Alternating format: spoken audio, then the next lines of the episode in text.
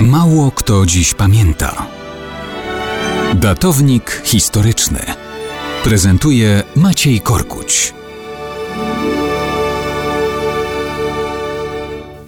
Kto dziś pamięta, że 15 lutego 1951 roku Związek Sowiecki zabrał Polsce niemal pół tysiąca kilometrów kwadratowych terytorium państwowego. Znajdowało się ono w zakolu Bugu koło miejscowości Bełz i Uchnów. Żeby to nie wyglądało w propagandzie niezbyt elegancko, w zamian podarowano Polsce podobny obszar koło Ustrzyk Dolnych. Podarowano? Przecież te ziemie należały do obszarów, które Związek Sowiecki zabrał Polsce kilka lat wcześniej, w roku 44 i 45. Taka to moskiewska szczodrobliwość. W propagandzie miało być to przedstawiane jako przyjacielska korekta granic, która matematycznie nie pomniejszy obszaru Polski. Po co to wszystko? Chodziło o to, że w owym zakolu Bugu odkryto olbrzymie złoża węgla kamiennego.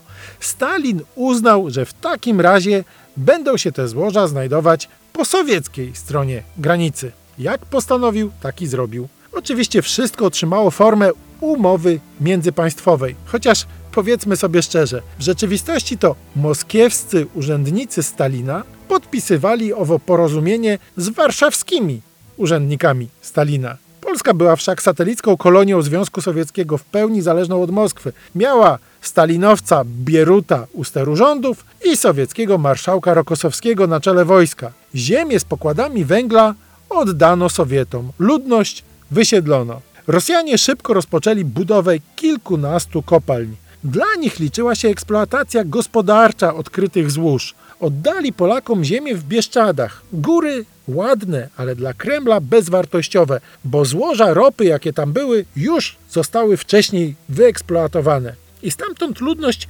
również wysiedlono. Wszak takimi drobiazgami jak ludzkie tragedie ojczyzna ludu pracy sobie uwagi nie zaprzątała. W ten sposób dopiero w 1951 roku nasza obecna wschodnia granica uzyskała kształt taki, jaki mamy do dzisiaj. W PRL jakoś tego faktu nie celebrowano. Wszak wówczas Polacy doskonale przecież rozumieli, że Sowieci wzięli co chcieli, płacąc tym, co wcześniej wzięli, bo chcieli.